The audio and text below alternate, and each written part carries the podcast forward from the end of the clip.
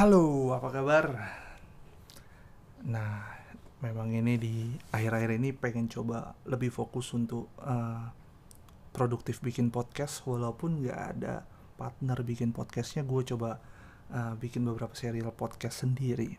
Tapi dengan konten-konten yang tetap menarik dan tetap bisa dikonsum oleh para pekerja kantoran of course.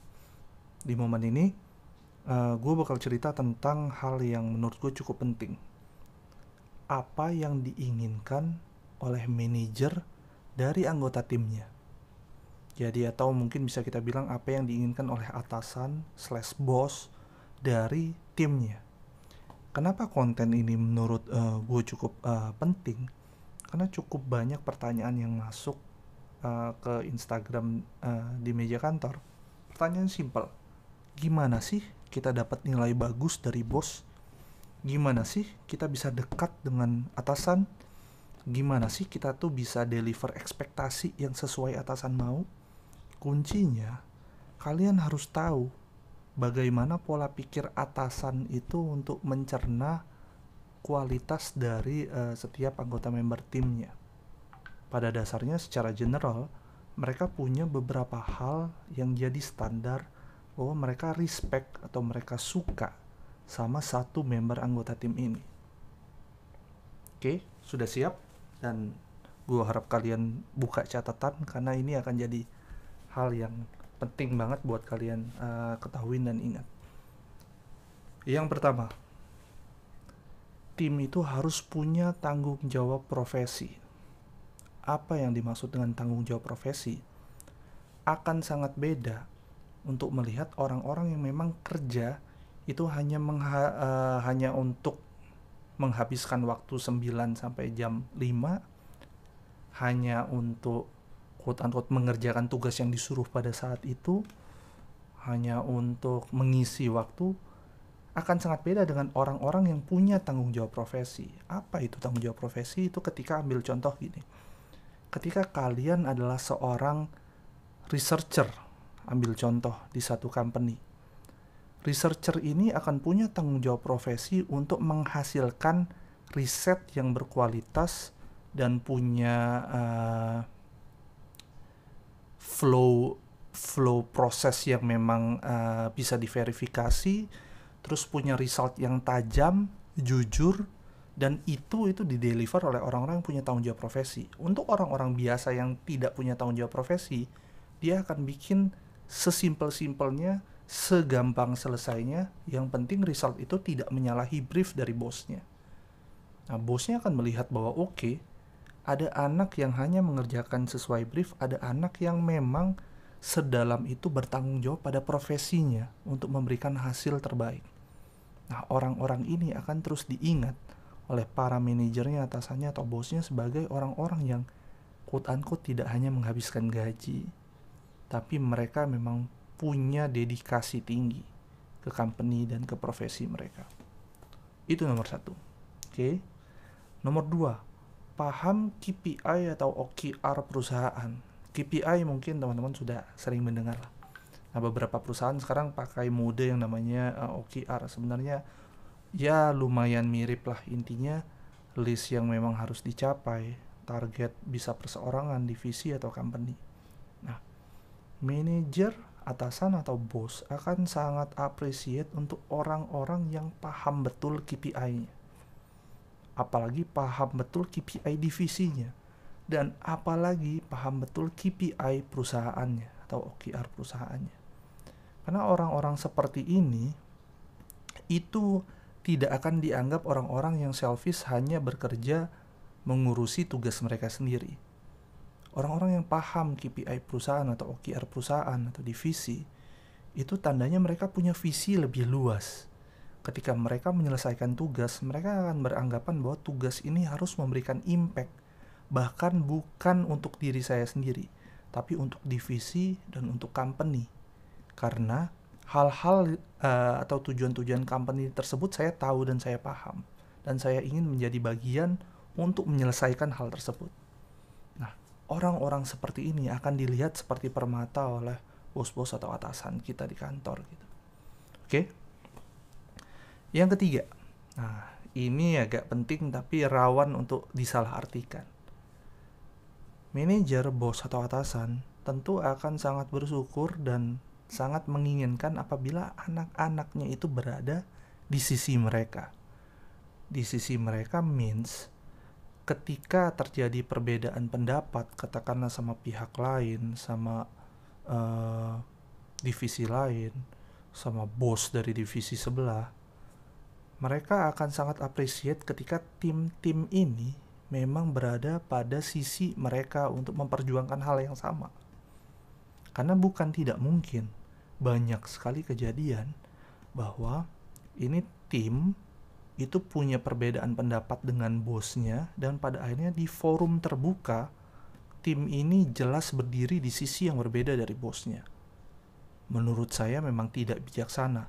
Yang harus kita lakukan apabila kita berbeda pendapat dengan bos atau dengan atasan adalah mencari forum khusus antara kita dan bos dan kita berdialog dengan penuh uh, keterbukaan kita throw semua opini-opini yang berbeda sampai pada akhirnya kita merujuk pada satu kesimpulan yang sama.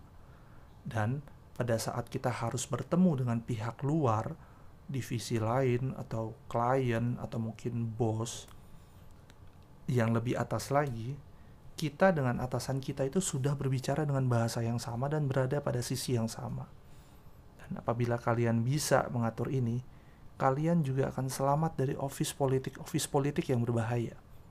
Karena salah satu kunci untuk selamat dari office politik itu adalah team up yang baik dengan bos kita dan tim kita. Bukan berarti harus menjilat ya. Tapi ada cara-cara yang seperti saya beritahukan sebelumnya agar kamu dan bos itu tidak pernah berada di sisi yang berbeda. Oke.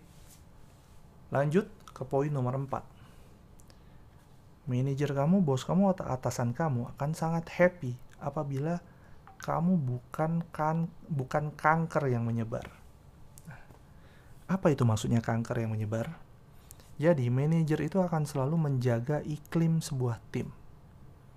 Mereka akan menjaga iklim sebuah tim, mereka akan sangat notice dengan orang-orang yang mereka anggap kanker tanda kutip atau mereka-mereka yang menyebarkan hal-hal buruk dan membuat orang-orang lain di sekitarnya tertular. Ambil contoh, ada yang tukang gosip, membuat satu divisi jadi tukang gosip, membuat satu divisi jadi terbelah-belah karena berantem satu sama lain. So, uh, atasan akan benci. Yang kedua, ada satu anak pemalas, membuat yang lain pada akhirnya tidak ingin rajin karena mereka tidak respect ada satu pemalas, akhirnya membuat yang lain jadi pemalas juga ada yang juga tim yang tukang bohong pada akhirnya membuat perpecahan. Nah, orang-orang seperti ini tuh dianggap kanker karena bukan cuma menularkan, dia juga membuat ekosistem tim ini jadi buruk.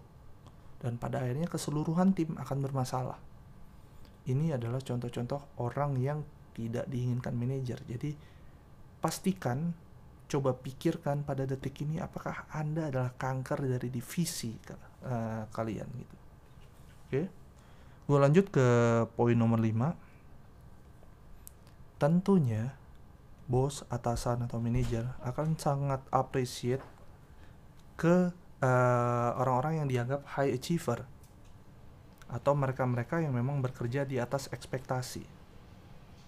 Mereka akan sangat melihat orang-orang yang hanya bekerja untuk uh, menyelesaikan tugas-tugas yang diberikan tapi mereka-mereka yang dianggap oleh uh, atasan sebagai high achiever itu akan doing everything dan pada akhirnya akan set standar baru terhadap posisi yang mereka jalankan atau profesi yang mereka jalankan bahwa mereka memberikan memberikan uh, mereka memberikan hal di atas ekspektasi atau a brief uh, bos sebelumnya.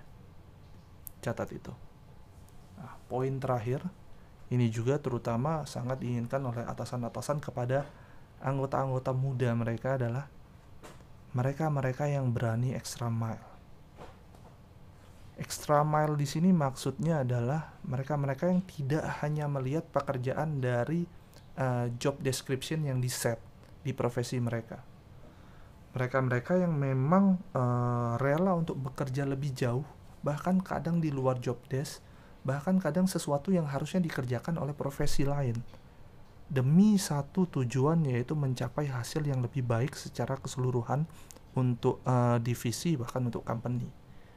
Orang-orang yang berani extra mile, yang tidak memikirkan batasan pekerjaan uh, dengan terlalu seperti ini, ini adalah calon-calon yang dianggap mereka sebagai uh, hero-nya company nantinya. Anak-anak dengan mental seperti ini tinggal diisi dengan skill yang baik, dengan pemahaman atau expertise uh, tugas atau profesi yang baik, mereka akan menjelma menjadi hero hero-hero company yang layak uh, dianggap sebagai investasi oleh perusahaan. Nah, berikut poin-poin yang uh, bisa saya jabarkan uh, kunci penting untuk jadi orang-orang yang quote unquote dianggap uh, investasi penting dan disayang oleh bos, atasan, atau manajer Anda. Kalau misalnya kalian punya uh, komen atau punya tips lain terkait ini, please uh, kasih pendapat kalian ke akun Instagram atau Twitter at di meja kantor. Gue pasti tunggu terus uh, masukan-masukan dari kalian dan poin-poin tambahan dari kalian. Sampai ketemu lagi. Salam.